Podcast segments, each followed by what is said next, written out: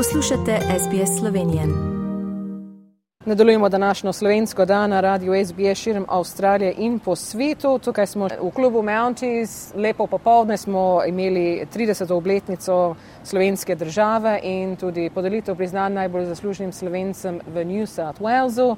Med nami imamo eno dobitnico prostovoljka leta iz slovenskega misijona svetega Rafaela v Marylandu, Mirjam Stariha. Seveda jo vsi zelo poznate v Sydneyju, tisti, ki ste v okolici. Najprej ji čestitamo. Prav, hvala lepa. Zelo, zelo sem ponosna in presenečena, da sem dobila to priznanje in me je prav a, stisnila v srce, da sem bila priznana za delo, ki sem ga delala čez dolga leta. Congratulations, Miriam. We heard a lot, obviously, of your involvement in the community over the years, particularly at St. Raphael's, but across the board, not just there, across on, on TV also, um, doing some subtitling on, on SBS TV as well, on Channel 31. So you've many, many years, decades, uh, helping in the community. Particularly, everyone will remember. I remember growing up, going up upstairs in the church and seeing you playing on the organ um, for the choir in those days, and sort of looking up along those years. So congratulations on this well-deserved award. Thank you so much, Tanya. I really am uh, very pleased to have accepted this reward, and I'm very touched uh, to have been acknowledged in the way that I was. It's a lovely um, award. It's beautiful to put up on the, the lipa leaf, to put up on the mantle or something.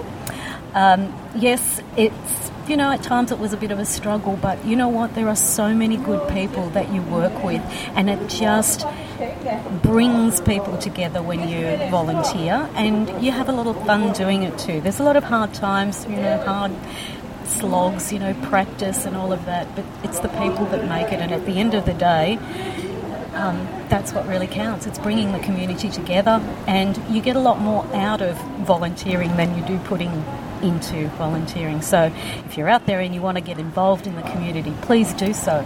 We're very welcoming, and next time there's an event on, put your hand up. We'd love to have you there.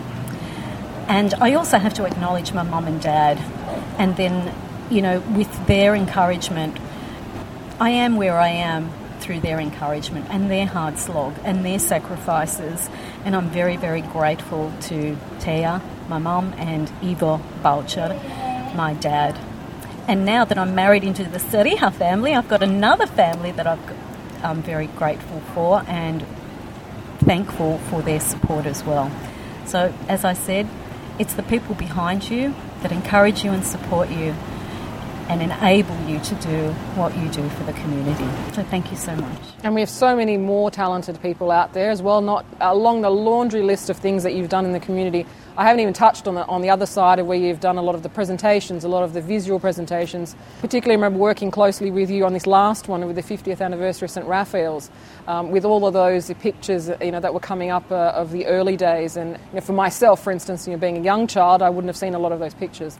Uh, but you lived through a lot of that yourself, so you would remember all of those early days. And so there are so many more people that are deserving, so along with yourself. Yes, I entirely agree with that. And yes, putting those presentations together did um, bring back memories of people who have already passed and people who are still around today and have a lot younger faces in those photos. It was just wonderful bringing all that history together and putting it into a presentation and, you know, joining it with some really lovely Slovenian music. Now, obviously, music is your other passion. Uh, we saw you up on the on the stage today, singing with uh, with Olga and with Irena, and obviously with Henry, Mark, and Martin playing together. And Jordan joined you as well. Right, that third generation, so getting that next generation in. And obviously, many years before that, we saw you on stages. Uh, I particularly remember Chorny Baron very well in those days. Yeah, that was well. a lot of fun too. And yes, today was a lot of practicing, but we got it there, and you know, the group gelled and we had a really good time. And it showed because everybody is crediting that performance as the best of the whole program. Oh, that's so nice to hear. Coming from the feedback from the audience. Thank you so much. that really puts a smile on our face. What does being a Slovenian mean to you? I love having another heritage, I really do. And to showcase that heritage, having another language enables you to think and explain in a whole other way what your you know, your first language is. So you get two kind of cracks at it, if you know what I mean. And I just love everything about Slovenia. I love going there, I love the people there, the environment is really nice.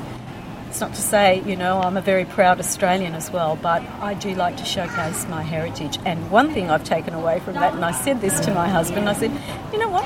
I don't think I'm going to go by Stariha anymore because they do sort of, you know, muddle it up a little bit. I'm just going to say Stariha. That's my surname, Miriam Stariha.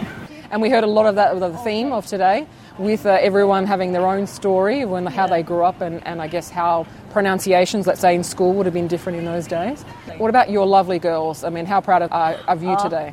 They were very proud. I mean, I saw them in the audience. I don't know if you saw me when I got my award, but I, I did tear up a little bit. And, you know, they had their thumbs up going, Yay, Mum! That's really good. and it was nice for them to hear about, you know, the things that I've done in the community. And I hope they take that away and, you know, become more part of the community as it is now, that, that third generation. You don't, really don't want to lose it. And they love going to Slovenia too. I think, given the background, as you mentioned earlier, Balčet and Stariha, very well known families in the community, particularly in Sydney. And I think that third generation will start to get more and more involved in these yeah. types of things as some of us start to move away yeah. a little bit. But we can then certainly hand these reins, let's say, to them. Yeah. And the girls love travelling, and they have travelled on their own. Well, not so much Kate, but um, Lauren has travelled to Slovenia on her own. And as a family, we've been there a number of times and they've enjoyed it. And can't wait to go again. And mum and dad, how proud are they today? Oh, very proud. I think they were so proud of me today. Dad just put his arm around me and he said, You know, Miriam, you did a really good job. You know, very proud. I'm proud of you, he said, and love you very much.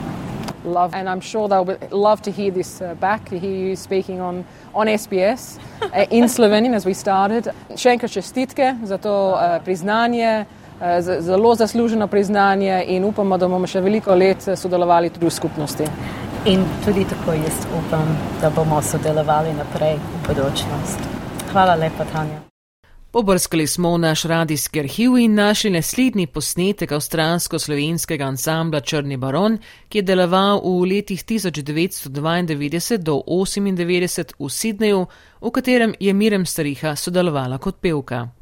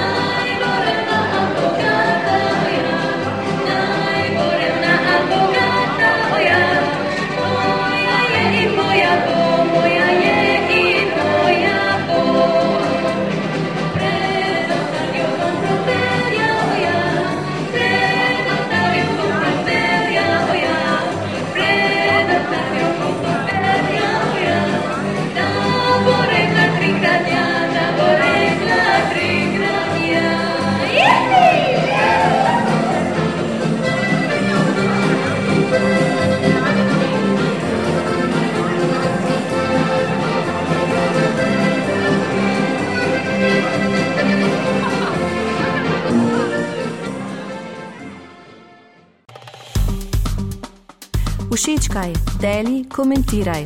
Spremljaj SBS Slovenijo na Facebooku.